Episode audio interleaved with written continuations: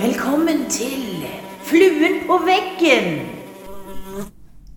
Hei, og velkommen er du. Det er kjekt at du er med. Vi tar utgangspunkt i at du har lest kapittel 18 fra vers 1 til 17 i Apostlenes gjerninger.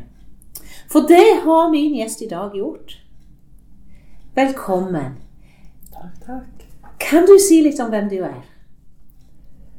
Ja, jeg heter Ruth Oddrun. Eh, Jeg er født på Grannes i Sola, sånn at, men jeg har bodd i mange år på Nærbø. Men kom her til Tananger for 28 år siden. Gift med Ole Tobias, har fire voksne sønner og ni barnebarn fra to til ni år. Å, så koselig. Jeg er pensjonist nå, men jeg jobber de siste tolv åra som PEDSYK-rådgiver på PPT. Ja. Og du tok utfordringen min, og du leste gjennom den teksten som vi har i dag. Ja. Hva var det du stoppet opp med? Jeg stoppet opp med det at eh, Paulus, han reiste til Korint alene. Ja. Og at, han, at det er en, en, en kjempestor myldrende by. Og det var mange forskjellige folk som bodde der. Det var en handelsplass, og det var både fattige og rike og slaver. Og, ja, det var sammenmiksa Ja. folk som bodde der. Og så var det det at han Paulus oppsøkte da spesielt et ektepar som bodde der, Mm. som het Akvilas og Preskilla. Og de òg hadde kommet der nylig fordi at de hadde, var jøder og, og, og hadde blitt jagt ut av Roma. Eller forfulgt.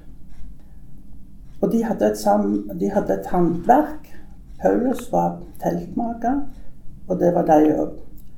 Sånn at de jobbet sammen og bodde i sammen. Så de hadde det felles. Ja. Mm. Så tenkte jeg det var litt Kanskje Paulus trengte det. Han hadde jo vært oppe i mange ting rett før og kom der. Og han kom til kristne, og de jobbet sammen. Mm.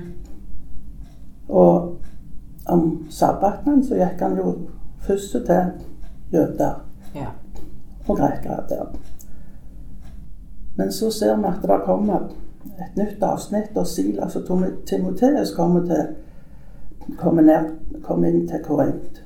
Og da fikk Paulus eh, ja, ånda til at han skulle bare drive forkynnelsen og vitne for jødene at Jesus var Messias. Mm. Da fikk han kraft til det. Men kanskje han først hadde blitt, opps, blitt styrka med at han hadde fått trosveiledninger gjennom de som hadde kommet litt før. Ja. At de hadde veiledet hverandre i en hemmelig atmosfære. Mm. Det kan være viktig. Ja. Og så var det dette at uh, når de ble et, et team, da, Silas og Timoteus og Paulus, så ble de sagt imot og ble håndtet.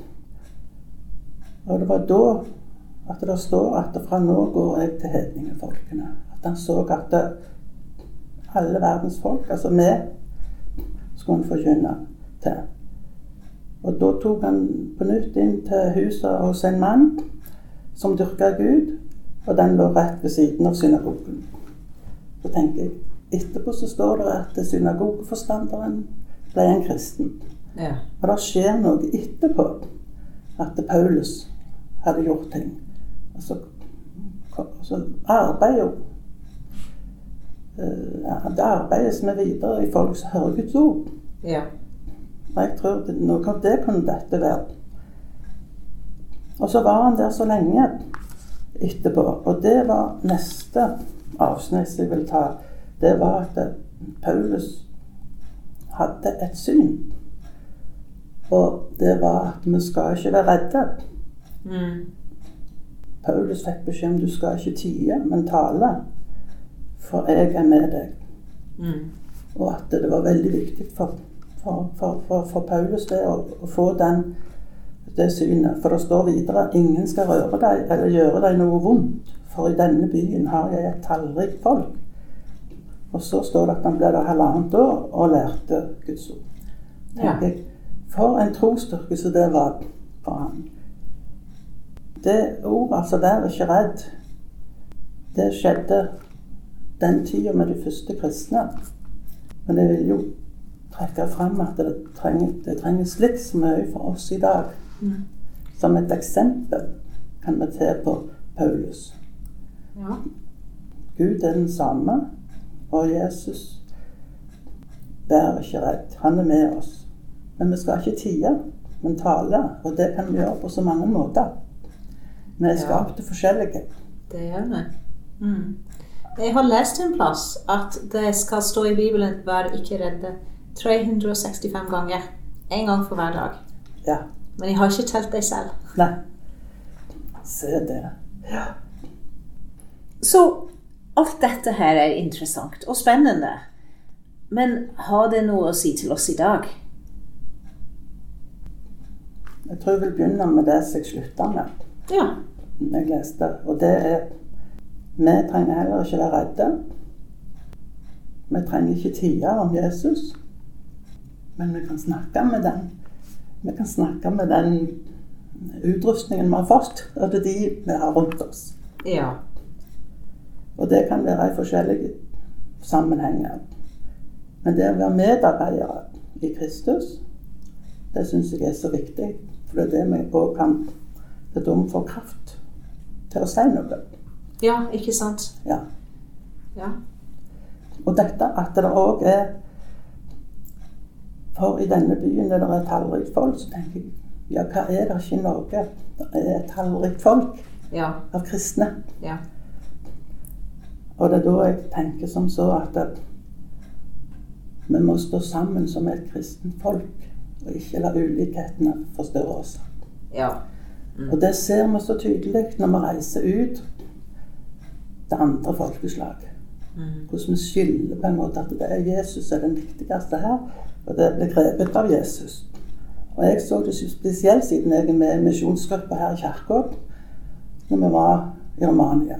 Ja. Og var som folk i Akita og i Danib. Vi hadde en tekst ute på Kjertebakken, for det var ikke rom til å møtes inne. Der det var Vi er ett med én kropp.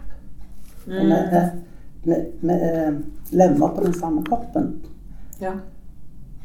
Og at vi hadde Jesus felles når vi står på så forskjellige plasser og tenker på det. Altså, det er ikke forskjell på folk. Jeg tror vi har godt av å komme oss ut og møte andre kristne som har et annen hverdag og en annen trosopplevelse og andre utfordringer enn dem vi har. Vi har godt av det. Ja, det er sikkert. Men tusen takk at du var med og delte dine tanker. Det var veldig godt å, å bli minnet på det du hadde tenkt. Tusen takk. Takk sjøl.